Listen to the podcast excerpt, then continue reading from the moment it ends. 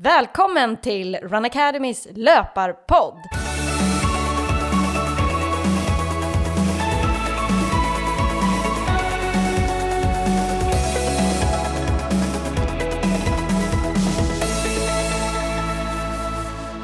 Det här är podden för dig som gillar löpning.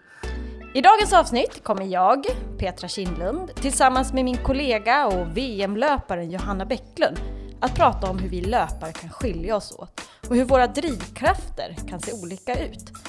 Framförallt kommer det att bli ett väldigt personligt avsnitt och vi skiljer oss åt väldigt mycket och har något olika inställningar till just löpning. Hej Johanna! Hej Petra! Hur mår du? Jag mår bra, hur mår du? Jodå. Alltså det där var en tråkig inledning. Okej, vi kör om det där för att just när man frågar någon hur någon mår så säger man alltid att man mår bra. Har du tänkt på det? Ja, det gör man faktiskt. Eh, Du och jag, vi är ju något eh, olika som eh, löpare. Bara det att du startade ju rätt sent i livet och jag började ja, rätt tidigt. När, när började, hur började, kom du in med löpningen? Men jag kom in med löpning egentligen efter att jag hade spelat innebandy under ganska många år. Jag började med innebandy under högstadiet och eh, höll på i gymnasiet och när jag flyttade till Uppsala för att studera så fortsatte jag med innebandy. Men eh, vid 25 års ålder så började jag tröttna på att man var beroende av att andra skulle vara på träningarna. Jag ville mer få ut träning av, innebandy, alltså, av innebandyträningen. Alltså jag ville mer bli trött konditionsmässigt och känna att jag har gjort någonting än att liksom känna att det var specifikt innebandy som jag tyckte var det som drev mig. Eh, så då började jag träna mer på gym och valde att eh, lägga ner innebandyn och bara träna för min egen skull. Och då tänkte jag att någonting måste jag göra för att eh, motivera mig till att träna. Så då eh, bestämde jag mig för att eh, delta i blodomloppet i Uppsala. Så det var mitt första lopp som jag sprang Hur gam- 2009. Hur gammal var du då? Då var jag 24. Ja, just det. Ja. Ja. Det började jättetidigt. Ja, eh, nej men jag började ju med friidrott när jag var runt 10, där någonstans. Eh, och då blir ju löpning en del utav det eh, i friidrotten. Men jag höll ju på med alla grenar när jag var liten. Allt från att jag sprang, eh, hoppade längd och tresteg, höjd, alltså till att jag sprang. Eh, men det var oftast framförallt 800 meter som var min paradgren som jag var bäst på. Ehm, Så att jag hade ju mer talang för löpning just. Ehm, Men anledningen att jag började med friidrott var egentligen att vi, vi hade en skoltävling. För jag, jag bodde i Mora på den tiden som jag kommer ifrån. Och så hade vi en skoltävling eh, där alla barn i hela Mora då sprang något lopp. Och då kom jag faktiskt trea på det loppet eh, bland alla barn där i Mora. Och då var det en fritidsledare som tyckte att jag skulle börja med friidrott. Så lite på den vägen är det. Ehm, Kul. och så så att det, det var ju verkligen rätt för mig att få börja med friidrott. Jag hade tidigare eh, testat bland annat ballett och gymnastik för att jag ville liksom göra något lite mer fysiskt, men det var absolut inte min grej. Eh, utan när jag kom, började med friidrotten så var det verkligen mer min grej. Vad roligt. Mm. Eh, och, men din löpning just idag ser ju också lite annorlunda ut om man jämför med mig. Eh, där du mer är lite mer fokuserad på resultat, skulle jag säga. Ja men verkligen. Alltså du tränar ju verkligen på högsta elitnivå. Eh, Medan jag själv, jag har ju svårt att se mig själv som en elitlöpare. Eh, även om jag vet att vissa i min omgivning kan se, alltså så här, folk som kanske inte springer så mycket, de ser mig som elitlöpare bara för att jag tränar så mycket. Men rent mentalt har jag svårt att se mig som en elitlöpare, för jag känner inte att, det, att jag har prestation i fokus. Utan det får bli bara en bonus av att man tycker att det är kul att träna Ja. ungefär. Eh, Så för mig är det mer att man, eh, att det handlar mer om att jag vill, jag älskar känslan av att springa och känna mig stark. Ja. Och att eh, uppleva eh, häftiga nya miljöer med hjälp av löpningen. Men det är så du fokuserar också när du bestämmer vilka lopp du ska springa.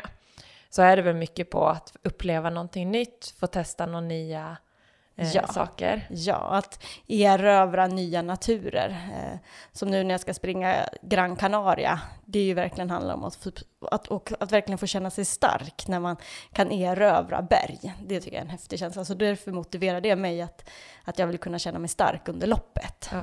Mm. Och då drivs du av att träna just för det. Ja, precis.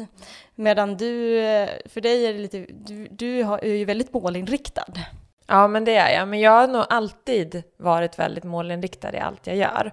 Eh, jag liksom vill ha ett specifikt syfte och jag eh, har alltid ett mål att bli så bra jag kan i det jag tar mig an. Liksom. Just det, men vad, vad kommer det ifrån? Varför är det viktigt? Eh, alltså jag vet inte, jag tror att det är mycket min personlighet för att jag har aldrig blivit drillad hemifrån. De har aldrig ställt krav på att jag ska, måste vara bäst i någonting eller att jag ska måste prestera. Jag hade aldrig liksom krav på mig i skolan eller så utan det är nog mer jag som person att jag har den känslan. Och Mm. båda mina föräldrar skulle jag säga är ganska prestationsriktade själva också och vill Mm. göra det bästa. Och mer kanske det har varit så här att ja, men, man skulle gå till skolan oberoende om man var eh, lite hängig eller trött. Liksom. Var man inte ordentligt sjuk så skulle man gå till skolan. För man skulle göra man, mer sånt och så här, ja, men hade man som på sommarjobben skulle man göra sitt bästa och Mm. mycket sånt har jag nog varit inriktad och liksom fått hemifrån. Ja. Eh, men sen just den här extra drivkraften att verkligen göra mitt yttersta och kunna pressa mig själv som jag kan göra i löpningen. Mm. Den eh, biten har jag nog fått mer från mig själv. Mm. Vad tror du att den kommer ifrån då? Eh, men jag, eh, det, det som driver mig är nog att jag vill se hur bra jag kan bli. Mm. Eh, jag vill, när jag tar mig an någonting så vill jag helst vara väldigt duktig på det. Eh, och eh, när jag ser andra lyckas Mm. eh, så tänker jag att ja, men, eh, om de kan så kan jag. Mm. Och då driver det mig till att vilja träna hårdare och mer specifikt för just hur jag ska träna för att just nå dit. För att Mm. det är ju så att oberoende om jag ser andra träna på ett visst sätt så kanske inte den träningen ger mig eh, Mm. sam, samma effekt för utveckling utan man måste ju alltid hitta det där individanpassade Just i det. träningen som gör att man verkligen utvecklas. Mm. Men vad tror du då är anledningen att du så gärna vill se hur bra du kan bli? Alltså det är jättesvårt att tänka så här, ja men vad är det? Eh, men jag tror att dels så vill jag ju ha ett mål med min träning hela tiden. Mm. Och så länge man känner att man utvecklas och blir bättre så Mm. är det ju väldigt roligt. Precis. Eh, sen är det ju så att man kan ju inte vänta sig att varenda ett lopp ska bli bättre än det man gjorde tidigare. Nej. Utan man måste ju ändå se att okej, nu tar jag två steg framåt, sen kanske man står still ett tag. Mm. Och så har ju min karriär, alltså sen jag började med löpning har det ju varit lite så, att det har gått lite upp och ner. Första Mm. året eh, när jag tränade specifikt efter ett träningsprogram 2010, då gick jag ju framåt såklart jätte, jätte, jättemycket. Mm. Eh, och förbättrade mig på alla distanser väldigt, väldigt mycket. Mm. Eh, sen var det lite så här, men 2011 gick inte lika bra, även om jag förbättrade mig lite grann, men det var inte alls de där jättekliven som det var första året. Nej. Och då måste man liksom vara beredd på att det är så. Mm. Eh, för att sen få ytterligare ett år som det gick bra. Och sen har det varit, skulle jag säga, en liten platå mellan mina två barn. Så att när jag 2013 till 2017 hände kanske inte jättemycket i min utveckling, även om jag hade förbättrat mig lite grann på olika distanser, men det var inte jättemycket. Nej, just det. Eh, och sen eh, senaste åren, 2018, 2019, har varit riktigt bra år. Där jag verkligen har utvecklats och Mm. hitta en ny nivå. Det. Men jag kan ju verkligen förstå att så länge man utvecklas så är det klart att det blir roligt. Alltså, då, då blir drivs man av det. Utmaningen blir ju den dagen man inte kanske utvecklas på samma sätt. Eh, och det vet jag ju själv, som att jag har hållit på med löpning i stort sett hela mitt liv och jag har ju verkligen haft den här elittänket Ja. på samma sätt som du. Även om när jag var yngre så var det mycket så här 800 och 1500 som jag satsade på.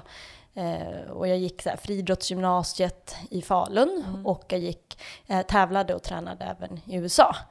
Ehm, men det som händer för mig är ju precis som att man kanske inte får den där utvecklingen som man vill ha.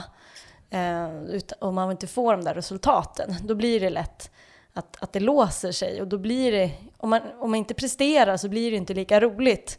Så då gäller det att försöka, för mig har det varit att då gäller det att hitta något annat än bara mm. resultaten som ska driva mig framåt. Mm. För att det blir, om man bara fokuserar på resultaten och inte får dem, då blir det ju inte så kul i längden. Då är det lätt att man tröttnar.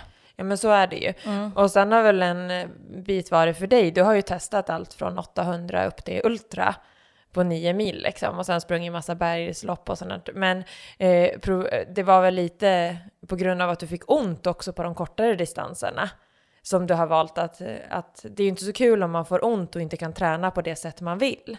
Nej precis, nej men jag har haft lite problem med lite eh, just på plan mark att springa. Eh, men, eh, eh ja, men för mig har det nog mer handlat om att jag Eh, när jag sprang 8 och 1500 och sen så står man still och får en platå, då bara, men nu måste jag testa någonting nytt. Mm. Eh, så då blev det att man testar maraton och sen så vill man testa, eh, ja men testa traillöpning. Alltså jag har ju mm. drivits av att också få testa nya saker. Att det, det öppnas upp en helt ny värld och få testa någonting nytt hela tiden. Ja men verkligen. Så jag har verkligen försökt utmana mig själv genom att testa olika saker. Så jag har ju jag har faktiskt tävlat på 60 meter, mm. upp till hin eh, sprungit hinderlopp och allt på bana som man kan göra. 400 eh, meter häck har jag sprungit ehm, till att sprungit eh, upp till Ultravasan 9 mil och däremellan också olika bergslopp, skyrunning, en vertikal kilometer, 1000 höjdmeter rakt uppför till att springa snösko-VM. Så jag har mm. testat på ja, det mesta kan man säga. Mm. Det är väl det som är lite drivkraften för dig, att få testa olika saker och mm. se hur bra du kan göra det. Jo men så kan man ju säga. Mm. Att, och just, jag tycker också det är extra häftigt nu när man ska springa ett bergslopp, hur man kan bemästra terrängen och ta sig igenom den. Mm. Eh, jag har ju bakgrund som banlöpare, jag var ju bra på att springa på bana. Eh, för mig är det en rätt utmaning att då ta sig ut i skogen. Mm. Eh, när jag var yngre så, ha, jag gillade verkligen inte att springa i skog. För att det gick ju för långsamt i skogen tyckte jag då. Mm. eh, så nu har det ju blivit en utmaning att lära sig att faktiskt behärska skogen. Och, mm. Jag, jag jobbar fortfarande mycket med att utveckla mig, framförallt att springa utför eh, när det är teknisk terräng. Det behöver jag verkligen jobba på. Mm. Mm. Men är det då det som är drivkraften skulle du säga? Att du ser att du utvecklas i skogen och blir bättre och kan hitta nya saker som du kan träna på. Just att du kan träna på att bli bättre utförd, du kan träna på att bli snabbare i skogen. Alltså, är det därför du tycker just skogslöpning är så roligt? Nej, det skulle jag inte säga. eh, utan jag, jag, skulle, jag älskar ju bara uppleva fin, häftig natur. Mm. Och för mig spelar det egentligen inte någon roll vilket tempo jag har.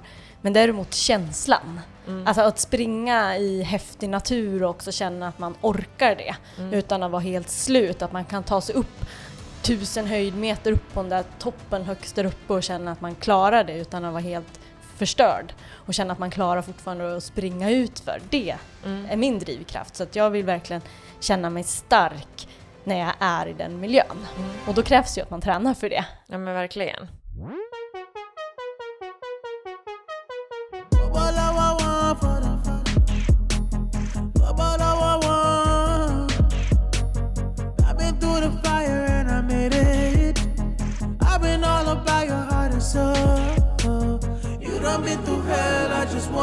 You back. Heaven is a drug you don't wanna do without. Loving you is diamonds and you so out of that. You deserve, you deserve all the love you. Det var ju som, vi var eh, ganska nyligen i Marocko tillsammans med Niklas Sjögren eh, och rekade inför en ny resa. Vi arrangerade ju på Run Academy flera olika löparresor och där fick jag ju verkligen utmanas på ett nytt sätt för att vi behövde ju reka så många olika turer för att vi vill verkligen att den här resan ska bli så optimal det bara går. Och då måste man testa olika saker så då blev det verkligen så här tre mils löpning i bergen varje dag. Eh, men det blev inte så hårt tempo utan vi tog det ju verkligen lugnt. Men ändå så blev man ju, det var ju väldigt tufft. Alltså jag hade ju sån träningsverk. Det var väl en dag, alltså bland, var det näst sista dagen eller inför sista dagen när du knappt kunde gå ner för en trappa och sen skulle ut och springa? Ja, ja, ja. alltså jag kunde knappt gå. Alltså det var, efter, nej men efter första dagen var jag ju trött. Andra dagen, då liksom stapplar man sig eh, fram. Tredje dagen, då kommer jag ihåg, då skulle vi springa tre mil i öknen. För vi skulle testa på hur det var. Nej, egentligen skulle vi springa 15 kilometer i öknen. Eh, men vår guide, alltså i Marocko, de är inte så bra på distanser. så han bara, ah, men det här är nog 15 kilometer. Okej, okay, jag kanske kan ta mig igenom de här 15 kilometrarna. Eh, det var ju bara att den här öknen tog ju aldrig slut. Så det var ju tre mil. Och då var från första steget gjorde det så ont. Eh, men det är ju häftigt att det ändå funkar att springa fast man var så trött redan från start. Mm. Att första steget gjorde varenda steg ont konstant mm. hela vägen. Och sen sista dagen, då behövde vi reka två turer. Eh, och jag sa till Niklas, alltså jag vet inte om jag kommer kunna springa. Jag får nog vandra idag. Det, det kommer inte gå. Alltså jag kom mm. knappt upp i sängen och ska ta mig till frukosten. Alltså det var ju så här, ja men gå sakta, sakta. Ja. Eh, men det, så i början av den turen var det bara aj, aj, aj. Som tur var var det mycket uppför i mm. början mm. på den turen. Uh, och det sen, är en fördel då, tycker du? Att det är mycket uppför? Ja, men då går man. Ja. Alltså börjar du med eh, typ 500 höjdmeter bara uppför. Mm. Och så det är jätte, jättebrant. Du kan ja, men, inte Nej men då, då blir det ju... Och då blir det som en annan grej. Då kommer man igång, blir lite varm. Eh, och sen när man kommer upp så är det ju så här, då är det ju väldigt fina vyer och det är ju väldigt vackert. Så då får man energi av det. Och sen stapplar jag mig lite framåt. Eh, men sen det som var intressant var att efter vi tog lunch efter, jag stapplade mig fram ungefär i två mil. Och, sen så stannade vi och tog lunch och då hade vi ändå sprungit i tre och en halv timme, eller sprung, ja men vi hade mm. varit ute i tre och en halv timme eller något sånt. Eh, så tog vi lunch och sen så hade vi sista milen kvar. Och det som var intressant då var att allt bara lossnade. Mm. Från, alltså jag har aldrig varit med om någonting liknande. Att, eh, att jag var så trött i benen men sen bara helt plötsligt från ingenstans så bara all, all den där trötta ben bara försvann. Och mm. sista milen, det har nu typ aldrig känts så bra. Det är häftigt hur det kan bli sådär. Ja, Niklas hade nästan tufft att hänga med. Han erkänner inte det, men nej, jag skojar bara. Men, eh, han är ju väldigt stark löpare så han joggar väl bredvid. Men jag, just då, då var det så himla häftigt den här känslan av liksom att kunna, ja men jag sprang upp på topp, någon bergstopp och sen just springa ner, jag fick till nedförslöpningen mm. eh, riktigt bra för att vara mig och liksom känns mer som man flyger fram och då Alltså det, jag hade ju inte koll på hur fort jag sprang. Alltså jag har ingen aning och jag mm. bedömer inte den löpningen efter hur fort jag sprang, utan det var verkligen bara känslan. Mm. Och sen var det så häftig natur. Alltså, det var, alltså vi sprang i Atlasbergen, var, var det här, är tanken att vi ska ha det här lägret. Och det är ju väldigt fin löpning där och väldigt fina vyer. Och, eh, så det ger ju sån extra energi, så man orkar så mycket mer att springa i en sån miljö. Mm. Mm. Ja, det är häftigt. Mm. Eh, medan du är ju lite mer så här, vi är ju, du är ju lite mer att du trivs ju på asfalt. Jag vet att du, eh, när du åker iväg på semester, då, vill du, då springer du hellre på en plan, letar efter den planaste asfalten så kör du bara fram och tillbaks, fram och tillbaks. Ja, men jag har inga problem med att det blir monotont eh, eller att springa på samma sträcka. Det kan jag göra. Eh, vi skrattade lite, vi var på Teneriffa nu mm. i januari och med, ja, med familjen då. Och eh, jag sprang ju ganska mycket samma sträckor varje dag. Det fanns en runda som ungefär tre kilometer runt en golfbana. Eh, och det var jättebra. På ena sidan var det lite mjukare underlag för det var faktiskt lite grus. Eh, men eh, den gick lite lätt uppför, eller och nerför då. Medan på den andra sidan så var det väldigt brant uppför. Eh, så då körde jag mest på den sidan där det gick lite, lite snällare upp och nerför. Eh, så då sprang jag på samma sida några gånger, upp och ner. Eh, och det tycker jag är perfekt. Så jag körde nog samma sträcka mest hela tiden, förutom när jag körde lite bana. Och sen sprang jag faktiskt längs strandpromenaden, men det som var där var att det var väldigt, väldigt mycket folk. Mm. Och då är det inte så kul om man måste zigzacka mellan människor. Det är svårt att hålla den fart eftersom att jag är inriktad på att jag vill hålla en viss fart när jag springer. eh, jag vill helst inte ha en massa störningsmoment utan jag vill känna att jag bara kan flyta på. Mm. Eh, men det var ju väldigt fint att kunna springa. Det var långa sträckor som man kunde springa längs vattnet. Eh, bara hade man valt rätt tidpunkter hade det varit perfekt. Liksom. Men eh, vi prioriterar att sova ut på morgonen så då blev ju träningen lite senare men det tycker inte jag gjorde någonting. Jag fick till bra pass ändå. Och sprang mina långpass så att jag skulle slippa springa på den två kilometers sträckan fram och tillbaka i tre mil så tog jag mig ner till vattnet. Ja.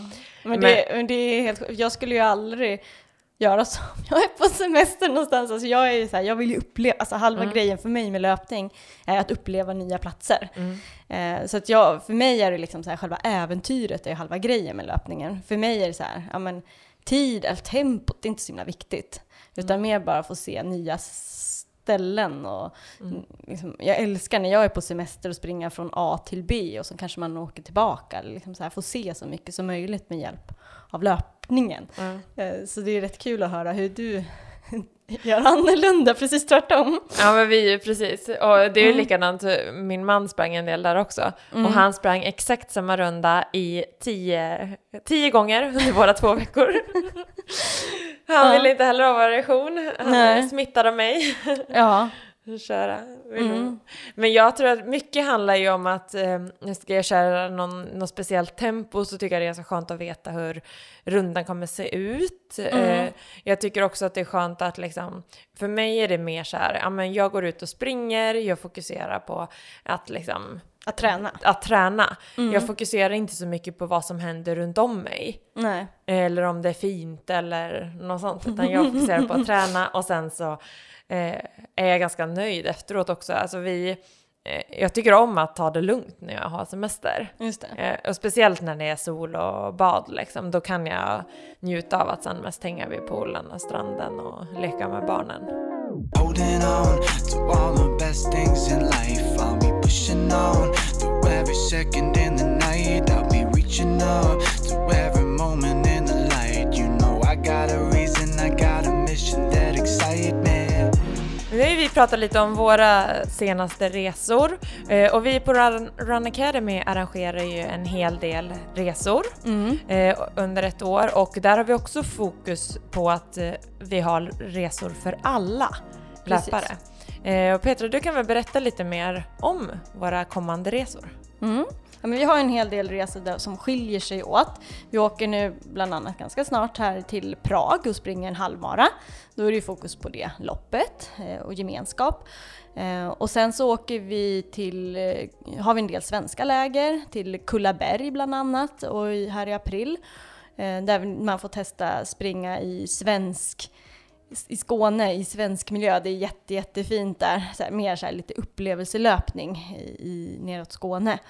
Ehm, men sen har vi också en kontrast där ju till Kroatien, där man åker mer, kombinerar sol och bad med härlig löpning. Där är det mer så här olika intervallpass och olika styrkepass och mer eh, yoga, mer variation på olika typer av pass. Eh, till kontrast till att vi också har resor med mer fokus på upplevelse, som vi åker till, till exempel till Alperna. Och där får man verkligen uppleva hur det är att kämpa sig upp för de här höjdmetrarna och springa bland, längs bergskammarna med fantastiska vyer och få den där euforin av att springa i den miljön. Eh, och vi arrangerar även eh, till, till svenska fjällen, eh, i Grövelsjön som är faktiskt mina hemtrakter, där min syster eh, också bor uppe i fjällen. Eh, Så det är hon som är med och arrangerar det lägret. Eh, Och där får man testa på hur det är att springa i svenska fjällen. Så vi har verkligen en stor variation på alla typer av resor. Eh, Så att jag hoppas att det kan passa alla. Och det, det som är så fantastiskt med de här resorna är att det blir sån härlig gemenskap, även om det är lite olika löpare som kommer med. För vi ser ju verkligen till att anpassa lägren så att det kan vara både den här som inte är så mycket löpare utan mer liksom, eh, lite mer nybörjare till den som är verkligen avancerad löpare och delar upp oss i olika grupper och så alla ska kunna vara med på de flesta av våra läger. Mm.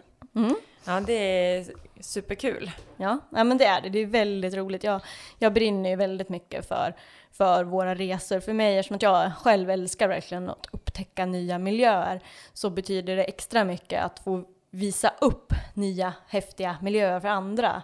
Och att få fler att förstå hur faktiskt häftigt det kan vara att springa i nya miljöer och med vackra vyer. Det ger så mycket till löpningen tycker jag, än, att bara fokusera på prestation. Mm, ja, Ja, så kan det vara. så kan det vara. Men du kommer komma dit sen Johanna, du får se. Ja. Om du är 20 år, då, kommer du också vilja vara där ska du se. Kommer jag också vilja åka på upplevelseresor och Ja, eh, jag. uppleva nya miljöer. Ja. Ja, Eh, vi har men,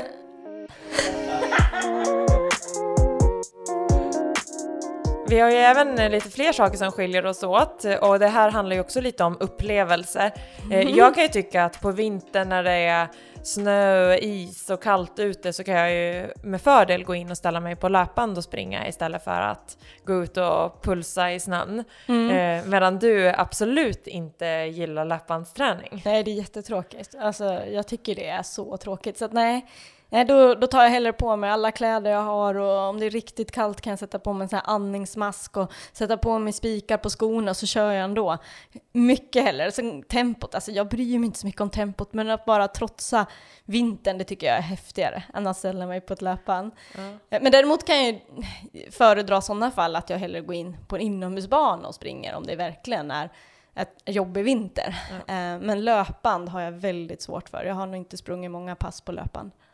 Du gjorde inte det när du tävlade mer, jag tänker när du sprang eh, 800 och Nej. medeldistans eller Nej, då fann, mer? på den tiden fanns det väl knappt löpband. Ja men löpan fanns det nog, men det var väl mer att det inte fanns så mycket inomhushallar som det finns idag. Ja, men där jag bodde i Falun så hade vi en inomhushall, så då sprang jag inne, men sen Ja. sprang jag också ute. Ja. Eh, jag är väl uppväxt i Dalarna, så där är vi vana vid snö, så att då är man hård ute, så då kör man oavsett väder utomhus. Mm.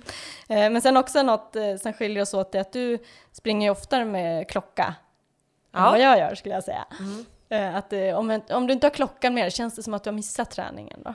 ja men lite så ska jag säga. Vi jobbar lite för det, för eh, Christian, min tränare, tycker att jag emellanåt ska lämna klockan. För, och speciellt att jag inte ska fokusera på tempo, på återhämtande pass. Jag kan bli så här att, ja men tycker jag att det går lite långsamt så kan jag bara kan jag trycka på bara för att jag tycker att det ska vara ett annat snitt på passet, vilket inte har någon effekt överhuvudtaget. Så där jobbar jag lite. Så nu har jag faktiskt försökt att inte titta på klockan, inte bry mig om tempo när jag är ute och speciellt inte när jag kör mina rundor tidigt på morgonen. Utan då fokuserar jag mer på att bara liksom springa 50 eller 60 minuter eller vad jag ska göra. Och sen får tempot bli därefter. Mm. ja, Jag kan ju bli väldigt stressad av den där klockan. Så jag tycker det är skönt att bara lämna det hemma. Jag, väldigt sällan jag springer med att ha koll på faktiskt hastigheten. Jag tycker det är mer om jag ska köra intervaller eller köra något liksom mer kvalitet eller köra något speciellt som jag verkligen vill veta tiden och då har jag klocka. Men annars om jag bara ska ut och jogga då är det så här, ja, men jag ska ta mig dit A till B eller ska spr- jag springer ju ofta mycket till jobbet till exempel, till vårt kontor. För det är väldigt tidseffektivt att, att springa till jobbet och sen springa hem. Ja. Eh, och då, har jag, då vet jag ju vilken sträcka det är. Så det är ju bara att springa. Jag spelar ingen roll vilket tempo jag har. Jag springer som, som det känns bra för dagen. Ja. Och det tycker jag är väldigt befriande att inte ha den där hetsen på vilket tempo jag har. Utan mer springa och lyssna på kroppen och bara gå på känsla. Mm. Ja, precis. Allt har ju för och nackdelar. Jag tittar ganska mycket på min puls också, speciellt i efterhand. Att man kan gå lite på puls och då har man ju lite så ansträngningsgrad på passet så att man verkligen får återhämtning, att inte pulsen ligger väldigt högt när man ska ha återhämtande pass. Precis. Eh, så att eh, på så sätt så har ju klockan en bra funktion där också, att man behöver inte bara titta tempo och, eh, och liksom hur långt man har kommit, utan man kan också titta lite mer på puls. Mm. Få lite hjälp där i träningen. Det kan ju vara jättebra. Men jag känner att jag känner min kropp så pass bra så att jag vet nog u- ungefär vilken ansträngning det är. Om det känns lätt eller hårt eller liksom så. Ja. Men absolut, det kan ju framförallt vara bra för om man är ny som löpare att, att använda pulsen. När man, för där är ju många nya löpare som inte springer så mycket. Då kan det ju vara svårt. Det kan ju vara lätt att man kör rätt hårt på de här lätta passen. Och då orkar man inte köra när det väl är dags för ett hårt pass. Då blir det som att det blir, man orkar inte köra så hårt på det heller, så det blir liksom lite mellanmjölksträning på allting. Ja men precis, allt blir lite. Och att man vågar då också när man ska komma igång. Alltså inte bara när man, eh, har, när man verkligen ska komma igång med löpningen så blir det lätt också att man springer alldeles för fort. Mm, exakt. Eh, Så att det gäller ju verkligen där att ta det lugnt i början för då blir det ju roligt och då kan det vara bra att ha en klocka bara för att se. Precis, att klockan kan mer hjälpa en att hålla ner tempot. För oftast är det det som många kanske gör, att man hetsar sig lite och springer för fort. Ja men verkligen. Mm. Men det har inte jag problem med, för jag, jag, kan, jag, jag, kan, jag kan snarare behöva en klocka för att ibland höja upp tempot lite, för jag kan bli lite bekväm av mig. Och stanna och ta för mycket bilder och så. Ja. Där kommer vi igen till skillnaden. Exakt. Så. Mm. Mm. En annan skillnad också, jag vet att ja, men du, ja, men som när du var på din semester där, då avstår ju du backarna gärna när du är ute och springer i naturen. Och du, ofta när, när du är ute och springer så planerar du efter att springa där det är så minst backar. Ja, Ofta. men jag, ja, alltså det handlar ju mycket om att när jag springer till exempel ett maraton Mm. så är det inte, de maraton jag väljer är inte supermycket backar i. Exakt. Och då behöver inte jag träna i jättemycket backar heller. Nej. Sen kan det ju vara så att jag ibland kör eh, kuperade fartlekar eller jag kör kuperad distans eller och så bara för att inte eh, liksom avstå helt från backar. Mm. Men generellt så väljer jag ju kanske att springa mer flakt än i backar. Precis. Medan jag, men det är ju inte så konstigt om jag väljer lopp där det är mer backar. Då vill jag ju träna mer på att springa i backar. Ja, Så då springer jag ju mycket mer i backar. Som nu inför Transgran Canaria jag ska springa här nu snart. Då blir det ju väldigt mycket i Hammarbybacken, upp och ner, upp och ner. mm. För att nöta det blir ju också på ett sätt monotont. Då är det Ja. ju samma sträcka hela tiden. Ja. Men det, då är det ju liksom ett, det finns ju inte så många backar som är så branta så att du får ju välja det som finns. Ja, exakt. Nej, det är ju inte superroligt det passen heller. Utan det är lite så här, ja men det här vet jag att om jag gör det här så kommer jag ju tycka att loppet blir mycket roligare. För då kommer jag kunna springa med en härlig känsla. För att man måste öva upp styrkan i benen, framförallt utförslöpningen. Mm. Och det finns bara ett sätt och det är att springa utför. Och vi har ju inte jättemycket att tillgå här, men då får man ta det som finns. Ja men verkligen. Och det är väl främst utför som, som du behöver träna ännu mer liksom. Mm. Alltså den här branta utför. Exakt. Där det slår sönder låren i princip. Ja, Som det exakt. kommer att vara under Mm. när man springer. För det är ju inte bara så, eh, mycket höjdmeter uppför utan det är också väldigt mycket höjdmeter nerför. Ja, och under just det loppet är det faktiskt mer höjdmeter utför än uppför. Det är typ 2000 höjdmeter utför. Mm. Så man kommer ju springa någon, säkert två timmar bara utför på det här Ja. loppet. Eller något. Ja. Så att man, det behöver vara...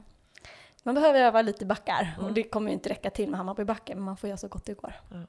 Men det vet jag när jag sprang Lidingöloppet bland de första gångerna som jag gjorde det. Mm. Eh, att det var ju mer i utförslöpningen som jag blev, alltså det var ju det som gjorde att jag fick jätteont i låren efteråt. Mm. Att det är ju inte uppför är en annan sak liksom. Exakt. Utan det är mer utför som Ja. eh, sliter. Och det glömmer man ganska lätt bort. Mm. Eh, bara när man ska, om man ska springa Lidingöloppet eller något annat så här lite halvkuperat så, så behöver man ju faktiskt träna utför också. Ja, i många fall så kanske man till och med tjänar på att ta det lugnt uppför.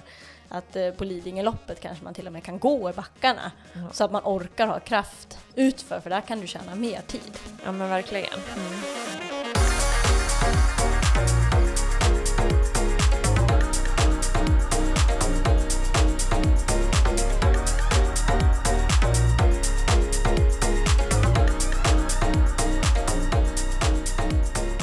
Eh, Ja men du eh, vill ju gärna prova väldigt många olika typer av lopp Mm. eh, och eh, he- helst inte göra samma sak flera gånger. Mm. Eh, men jag kan ju mer hålla mig till en specifik distans Mm. och jobba för det. Just nu, alltså jag är ju under de första åren, eller egentligen fram till 2018 har jag ju nästan bara kört 10 kilometer och halvmaraton. Mm. Eh, och eh, nu då eh, satsar mer på maraton. Just det. Eh, och då eh, håller jag mig, liksom, då ligger ju min träning med fokus på maratonträning. Mm. Eh, eh, men hur, eh, hur tänker du där? Alltså när du lägger upp, för du, du är ju mer så att du kanske eh, är lite periodare i din träning och tränar liksom, har du ett mål med träningen så tränar du väldigt specifikt mot det. Mm. Men sen måste du hitta något nytt. Ja, men så kan man säga. Att, Ja. ja. men som nu kör jag rätt hår- kanske, Nu bestämde jag mig för några månader sedan för att köra det här Transgran Canaria. Då har jag kört specifikt mot det här Transgran Canaria-loppet. Och sen efter det, då kommer man vara lite matt, då kommer jag nog ta lite vila, lite så. här. Sen så kommer jag få ett nytt sug eh, igen och då är det ett nytt mål. Och så tränar man inför det. Men då kommer jag ju ha lite, lite dels viloperiod, jag tycker det är rätt skönt att bara få få, för tankarnas skull, att få lämna ett lopptänket ett tag och få fokusera på något annat. Och sen så kan, kan det bli att man får ett nytt mål. Så det blir lite så periodare, även om jag har ju aldrig, som många motionärer kanske, är periodare att man inte tränar någonting under en period. Och sen tränar man jättemycket och så. Utan det är mer att jag håller igång. Men kanske inte så specifikt mot någonting utan kör lite vad jag känner för. Och sen så, ah men nu vill jag ha det här. Och då kan jag lägga på och träna lite mer specifikt mot det. Men nu de senaste veck- veckorna och inför eh, Transgran Canaria har du ju sprungit väldigt mycket mil i veckan också. Mot vad du tidigare har gjort, även om du har sprungit ultralopp tidigare så har du ju inte lagt in så mycket mil som du har gjort nu. Nej. Att det, nu har det ju känts som att det har varit kanske mer eh, specifikt, liksom, du har ju haft en tanke i din träning från det att du liksom började. Ja, men jag brukar ha det ungefär när det är, eh, säger två månader kvar inför loppet. Då brukar jag försöka lägga upp en plan. Och, för då blir det lätt, men så att det blir lite mer tanke kring allt och att man får in lite extra träning och så. Och det tycker jag är jättekul när man har eh, lite mer tanke under en period. Men jag har svårt att göra det under en längre period. Och jag skulle ha jättesvårt att följa, för det vet jag att jag har försökt, någon annans program. Eh, Jag har ju haft en del tränare genom åren och det har alltid varit jättejobbigt att coacha mig för att jag gör alltid precis tvärtom. så jag har väldigt svårt, alltså, eller så kommer jag på något annat eller så tycker jag att nej men det där var för jobbigt eller det där var för lätt och så kör jag någonting annat ändå. Så jag är nog en hopplös adept att, att, att, att coacha. Så att för, för mig är det lättare att ändå coacha mig själv. Och, då kan jag också anpassa träningen och hänga med liksom andra på pass också och vara lite mer anpassningsbar. Medan du vet jag, du är väldigt disciplinerad till ett program och kör det nästan till punkt och pricka. Ja, det, så är det. Jag har ju tränat mig själv enbart under, ja men eh, egentligen under ett och ett halvt år, två år. Eh, efter att mitt andra barn kom. Jag hade en tränare på Åland först som hjälpte mig. Eh, och sen när jag fick mitt andra barn så var jag lite så här, efter det så började jag komma igång själv och det var lite mer pusslande med att få till träningen och jag hittade lite sätt hur jag skulle få till. Så då var det lite svårt att styra mig. Så att då tränade jag mig själv under de åren. Men sen så kände jag att när jag började satsa lite mer mot maraton så ville jag få hjälp igen. Och jag tycker det är ganska skönt eftersom att vi jobbar ju med träning och lägger upp träning för andra och det är liksom om man gör träningspassen för löpargrupper, alltså jobbar väldigt mycket själv med träning så är det rätt skönt att någon annan får tänka till mig. Och det enda jag behöver göra är följa eh, det som står på programmet. Sen är det ju så att allt bygger ju på att man måste ha en bra kontakt med den som är tränare. Eh, att eh, är det någonting som inte funkar eller är det något som funkar väldigt bra så måste man ju liksom kunna redigera i programmet. Och här är vi en väldigt tät dialog, vilket gör att eh, först kan jag ju få ett program, sen kan ju hela programmet ändras totalt för att det är någon pusselbit som vi har sett att nej men det där, så där ska vi inte göra utan vi gör så här istället. Eh, så att det är ju väldigt mycket ändringar. De första, jag skulle säga liksom i början när, vi bör, när jag började med specifik träning mot maraton, då var det ganska mycket, i början funkar ju träningen, då behövde vi inte ändra så mycket utan det var liksom enligt det. Men det är senare nu när man har liksom testat vissa saker eh, och man nu behöver hitta något nytt som ska göra att man utvecklas. Det är då som det blir mer så här, okej men nu har vi gjort det här passet, nu behöver vi ändra för att köra något nytt. Eller man kanske blir mer sliten eller får lite känningar någonstans som man måste liksom dra ner. Men jag är ju väldigt, väldigt noga med att, eh, att säga till hur det känns. Just det. Eh, och eh, så, men jag ifrågasätter inte det, de pass som är inlagda. Nej. Det är sällan, förutom när jag har vilodag. Då vill jag gärna flytta något återhämtande pass från någon annan dag, så jag ska slippa vilodagen. För det gillar jag inte. Jag tycker det är skönare att kanske springa ett pass eh, på en dag, och, eller på två dagar, än att springa, eh, eller än, än att ha dubbla pass då. Ja, och just det, sen en en vil- vilodag. Ja. Eh, så att eh, ofta efter kvalitetspass kan jag tycka att det är ganska skönt att inte ha ett återhämtande pass samma dag. Utan istället ha det dagen efter och Ja, skippa vilodagen. Just Så där det. brukar jag förhandla. Ja, just det. Ja, men det är bra. Mm. Mm. Men där är det också eh, viktigt också att man också lyssnar på kroppen. Även om man har ett program, även för motionärer eller vem det nu Mm. är, så är det ju viktigt att man inte bara kör det här programmet punkt, till prick, pricka till varje pris, utan att man faktiskt lyssnar på kroppen. För Ja. säger kroppen ifrån så måste man kanske backa eller ta en extra vilodag eller kanske inte köra de där intervallerna som var planerat på passprogrammet och sådär. Ja men verkligen, man måste känna efter. Mm. Och så har jag gjort lite med de kunder som jag eh, också lägger upp program för. Mm. Att vi, eh, jag lägger ju kanske några veckor framåt och sen får vi ju bolla och se hur det funkar. Mm. Och ändra lite om det är något. Eller de får placera om sina pass om det är någon dag som de känner sig väldigt trött och sliten så ska de ju inte köra ett tufft pass den dagen utan då får de ju planera, lägga om den, det passet just till en annan dag. Precis. Så att man verkligen känner att man får. Just det. Och när vi ändå pratar om program så får vi också tipsa att vi har ju faktiskt träningsprogram på vår medlemssida om man vill ha lite struktur i sin träning. Och man måste ju inte följa det till punkt och pricka men det kan ju ge lite inspiration om inte annat. För det blir ju lätt att man alltid kör samma sak hela tiden och då blir man ju inte så mycket bättre. Så där har vi ju träningsprogram mot Stockholm Marathon, mot Göteborgsvarvet, mot Lidingöloppet och mot milen eller, och även om man vill komma igång och så, här, så finns det program där. Ja men verkligen, så där kan man få väldigt mycket hjälp.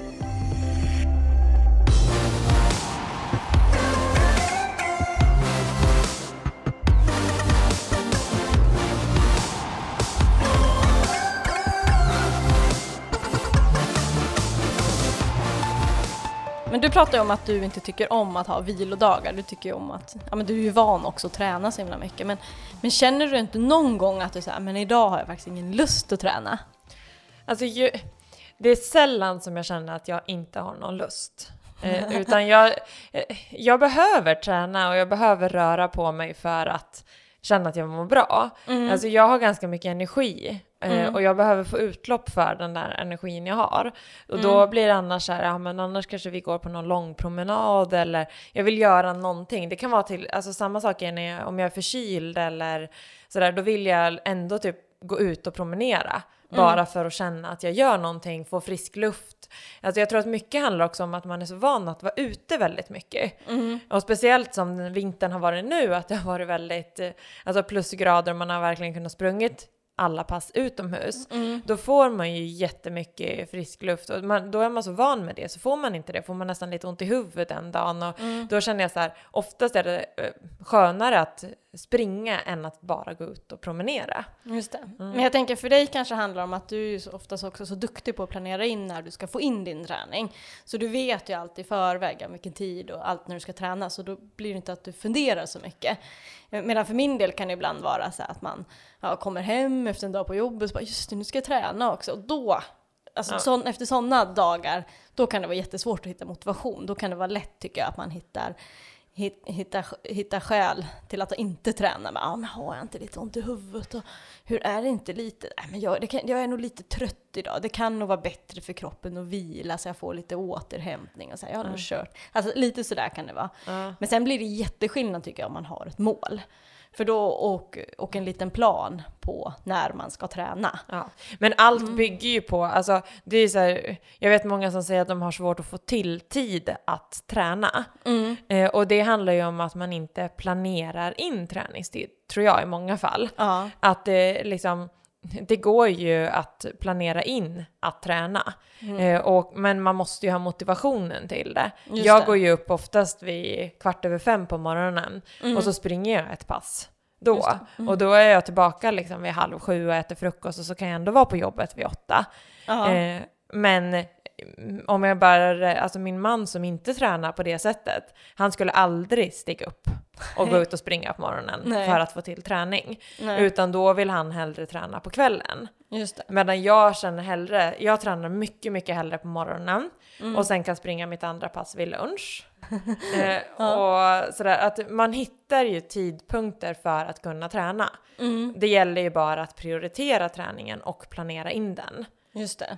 Alltså, sen- Så folk som säger att de inte har tid, det, jag skulle säga att det är bullshit. Alltså alla har tid. Det handlar ju bara om att prioritera sin tid. Ja men så är det ju och då kanske man prioriterar andra saker som att gå ut och äta eller man prioriterar liksom att sitta länge, sova längre eller sitta längre framför tvn på kvällen vilket Ja. gör att man inte går och lägger sig och då orkar man inte upp på morgonen till exempel. Mm. Utan här måste man ju vara väldigt dedikerad i vad man ska göra. Liksom. Jag Mm. har ju en tid att nu ska jag gå och lägga mig.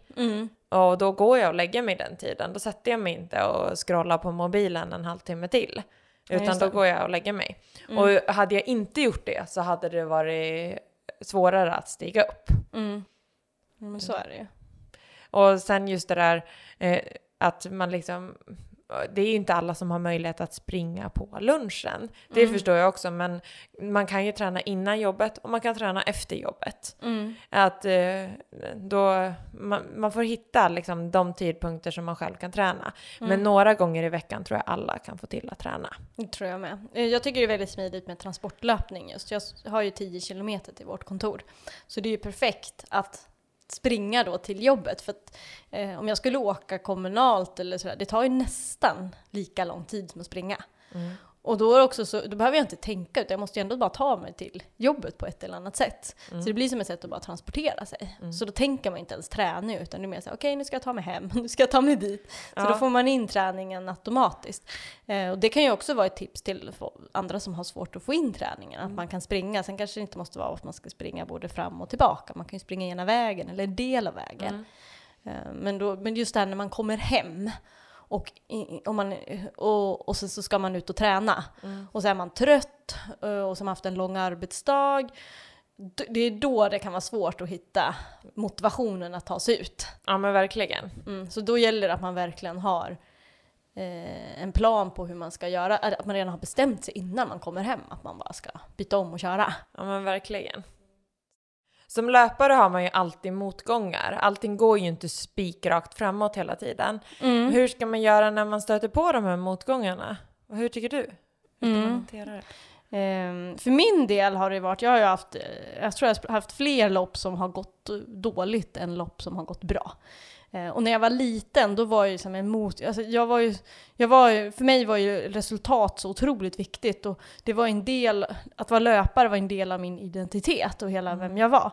Så när det gick dåligt, då brast ju hela jag, jag kunde vara förstörd i någon vecka liksom så här, och verkligen eh, knäcka mig själv av att det gick dåligt på ett lopp. Eh, och det har väl lärt mig nu när jag blivit äldre att resultatet har ju faktiskt inte så stor betydelse om man tänker i stora hela. Liksom. Det, det är inte det som gör mig till en bra människa, det är inte det som bedömer vem jag är. Eh, så att man försöker tänka lite mer på att, att, att eh, motgångar är en del av processen och att man istället försöker se vad man kan lära sig utav det. För att får man inte motgångar då kommer man nog inte bli så mycket bättre heller. Utan jag tror att man måste ha motgångar för att utvecklas. Så man får försöka se det som man kan lära sig av motgångarna istället för att man gräver ner sig och bara tycker synd om sig och tycker att man är dålig. Mm. Så är det bättre att man tar lärdomar av det istället. Mm. Hur, tänk, hur brukar du tänka? Om Ja, men jag har, alltså det är ju klart att alla lopp går inte bra. Mm. Så, så är det och så kommer det alltid vara. Och Mm. man kan inte ha den där eh, toppendagen varenda en gång man ska ut och springa lopp liksom. Utan det kommer gå upp och ner eh, och man kommer hamna på platåer emellanåt där man kommer att få Mm. springa kanske där man har sprungit tidigare, alltså man inte förbättrar sig så mycket eller till och med kanske springer sämre än vad man gjort tidigare. Och det är ju tufft. Alltså Mm. mycket är ju så här, jag är ju inriktad också väldigt mycket på placeringar. Mm. Eh, och springer man lopp då och känner att det är många som slår en i Mm. loppet, Mm. då, känner mig, då känner jag ett misslyckande. Då Mm. tycker jag liksom att, att men det här var ett skitlopp. Mm. Eh, men det både triggar mig, alltså jag kan vara rätt irriterad efteråt. Eh, jag bollar ofta väldigt mycket med min man som får höra liksom, och mina tankar och sådär. Det kan vara så att jag har svårt liksom, att sova den natten för att jag liksom funderar och tänker och, och så. Men sen lämnar jag det och funderar istället, hur kan jag göra för att bli bättre till nästa? Mm. Och vad, vad var det i loppet som inte gick bra? Mm. Vad kan man ta lärdom av det Mm. istället? Så att man hittar liksom saker som är posi- positivt Just det. från loppet istället för att gräva ner sig i det som inte gick bra. Mm. Och just det tror jag är extra viktigt för motionärer. Ja, För det är ju så att när man blir äldre så kommer man ju inte kunna bli bättre hela tiden. Alltså det, det är helt, den ekvationen är ju omöjlig. Eh, och då gäller det att också hitta andra glädjeämnen av att springa lopp än att man bara än själva resultatet. Mm. Eh, alltså det kan ju vara att man, att, alltså hur stämningen var på loppet eller hur liksom allt runt omkring, hur känslan var eller, eller kanske kände sig, alltså det kändes piss redan från start. Mm. Men man tog sig ändå igenom det och att man liksom ändå var så mentalt stark och tog sig igenom de där svackorna och ändå tog sig i mål. Då kanske man ska ändå vara nöjd över sig själv att man klarar det. Att man hittar ändå någonting i det där loppet som man gjorde bra. Det tror jag ändå är viktigt. Så att man inte bara gräver ner sig utan man gör, det, det finns ändå alltid någonting som man har gjort bra utefter de förutsättningar man hade. Ja men absolut. Så man ska inte glömma bort det och man ska alltid plocka ut det positiva för att känna att man utvecklas. Mm. Men jag har ju varit så besviken på så många lopp så att jag har ju ledsnat på att vara besviken på mig själv. Så nu för tiden som det går dåligt på ett lopp, jag bara säger ja ja det spelar inte så stor roll ändå. Jag har nya lopp eller liksom försöker se det positiva i det, eh, i, i själva loppet. Än att gräva ner mig för mycket, för det gör jag bara att jag mår dåligt och gör att jag tycker att löpningen blir tråkig, jag tappar motivationen. Så jag försöker verkligen tänka nu mer att det spelar inte så stor roll utan hitta andra saker som eh, är, är glädjefyllt just med det loppet. Mm. Eh, Johanna, hur tror du att din löpning kommer se ut om ungefär tio år? Ja, eh, det är intressant att fundera över. Eh, jag kommer nog eh, fortsätta springa länge. Alltså det, sen är ju frågan om hur, hur länge jag kommer satsa just på den nivån jag gör idag. Eh, det beror ju på lite hur progressionen ser ut, alltså hur, om jag blir bättre, känner att jag utvecklas, känner att jag har motivation att fortsätta driva mig själv eh, till alla de pass jag gör på en vecka. Liksom. Eh, så länge jag känner att jag har motivation och tycker att det är roligt så kommer jag ju fortsätta att eh, satsa på den nivå jag gör idag. Eh, men eh, jag kommer ju alltid ha med mig löpningen. Jag kommer ju inte sluta springa, även om jag slutar springa på den nivån jag gör Just det. just nu. Men det känns som att du också har mycket kvar, tänker jag, på den här biten med, som jag gillar med upplevelselöpningen och springa trail och den biten. Det kanske är något som skulle kunna komma efter din satsning med asfalt och den biten. Kanske du skulle hitta lite den biten också, att du har lite kvar. Ja, Kanske. kanske. Vem vet? Ja. Vet, hur, vad tror du om din löpning om tio år? Ja, men jag, det kommer nog vara ganska likt som det är faktiskt idag, att det är mer så här fortfarande fyllt med glädje. Eh, alltså jag kommer ju alltid springa, om jag kanske inte springer lopp. För att jag, jag älskar känslan av att springa eh, och det gör att man mår så bra. Så att jag tror absolut att jag, jag kommer, mitt mål, mitt långsiktiga mål är att jag vill kunna springa hela livet ut. Eh, även när man blir gammal. Eh, och att, eh, så att, så att det, det, jag kommer alltid vilja springa. Ja. Eh, och jag tror att just nu har jag verkligen hittat att, att löpning mer handlar om att uppleva och upptäcka och då spelar det inte så stor roll hur fort man springer. Och det tror jag att jag, det fokuset kommer också ha mycket längre fram. Mm. Mm. Sen kommer det säkert inte springa kanske lika mycket som jag gör idag. Det, det tror jag inte att jag alltid kommer göra. Utan det kommer nog gå lite i perioder, lite så här beroende på vad jag har för målsättning och hur min motivation just ser ut just då. Ja. Kul. Eh, ja men eh, vad är ditt absoluta favoritpass om man tänker så då? Vad gillar du mest med löpningen? Och vad, vilka pass tycker du att det här är de pass som du verkligen känner? Ja, men jag gillar ju mest pass egentligen, så här upplevelsepass, att vara ute i ny natur och upptäcka nya miljöer och använda löpningen som ett sätt att transportera mig eh, och se, upptäcka eh, nya vyer och all, men just den biten kommer, är ju min favorit. Men sen kan jag ju gilla så här pass när man verkligen också får ta ut sig. Jag gillar ändå den känslan, konstigt nog. Eh, att jag, jag kan gilla, och då spelar det egentligen inte så stor roll vad det är för pass, utan det är mer så känslan efteråt, att man fått upp en, en bra puls och är så himla nöjd över sig själv. Mm. Du då? Ja men det jag, jag gillar känslan efter intervallpass. Mm. Alltså när man har sprungit sig riktigt trött. Den känslan efteråt är helt oslagbar. Mm. Eh, och eh, sen är det ju också så här, just att överträffa sig själv när man gör någonting som man känner att det här har jag inte det här trodde jag inte att jag skulle klara av. Mm. Det kan både vara springa snabbare på intervallen än vad man har tänkt eller Mm. trott att man skulle kunna göra. Eller springa ett längre pass Mm. eh, på ett, eh, i en högre fart än vad man har tänkt och trott. Som på förhand har känt så här, det där kommer jag aldrig fixa. Mm. Så när man ändå klarar av det, det driver väldigt mycket Mm. motivation och ger en liksom. Att man klarar av något man Mm. inte trodde att man klarar av. Mm. Det är nog det bästa liksom med. Sen är det ju så här, eh, och det är ju, allt är ju en vanesak, men när jag i fjol började lite mer med dubbelpass och sprang mycket mer mil i veckan. Eh, Så till en början var det väldigt mycket så här, jaha, ska jag ut igen? Alltså den känslan var lite, eh, vi jämförde lite men vi var ju då också på utomlands i två veckor. Och då, då var jag nästan så här lite stressad för att få till mina två pass på en dag liksom. Och, eh, det var lite mer fokus på att, när ska jag springa nästa pass? Och eh, nu när vi var iväg så var det ett helt annat, jag har ett helt annat lugn i att springa. Jag kan göra saker mellan och inte behöva fokusera på att okej, nu ska jag ut igen. Just. Utan, och det tror jag också är en, så, en vanesak och det är skönt att känna den känslan av att liksom, det är naturligt för mig att springa två pass per dag. Mm. Eh, och jag får in det i, i en vardag eller när vi det. har semester och är tillsammans allihopa. Och det är naturligt för alla i familjen att jag tränar. Mm. Men det tänker jag också, det kan ju en motionär också tänka på att om man inte tränar någonting Ja. s- så blir det ju så jobbigt att bara träna, även om det bara är två gånger i veckan.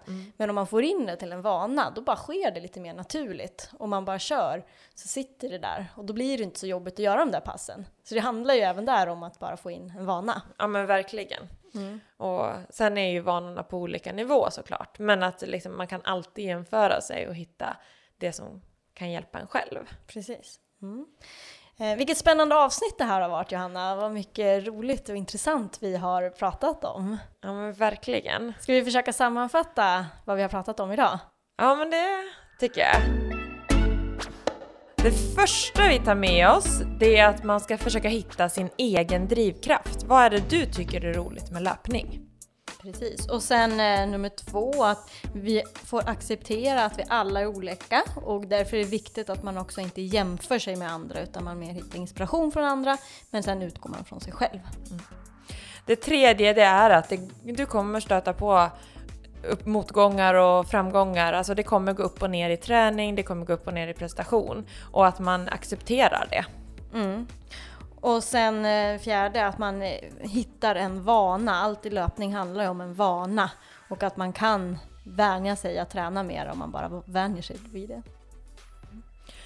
Och nummer fem, det sista, det är att hitta det positiva i motgångar. Alltså när, om ett lopp går dåligt så försök att plocka fram det som var bra med det loppet. Försök att hitta det positiva i alla dina motgångar för det kommer stärka dig och göra dig till en bättre löpare.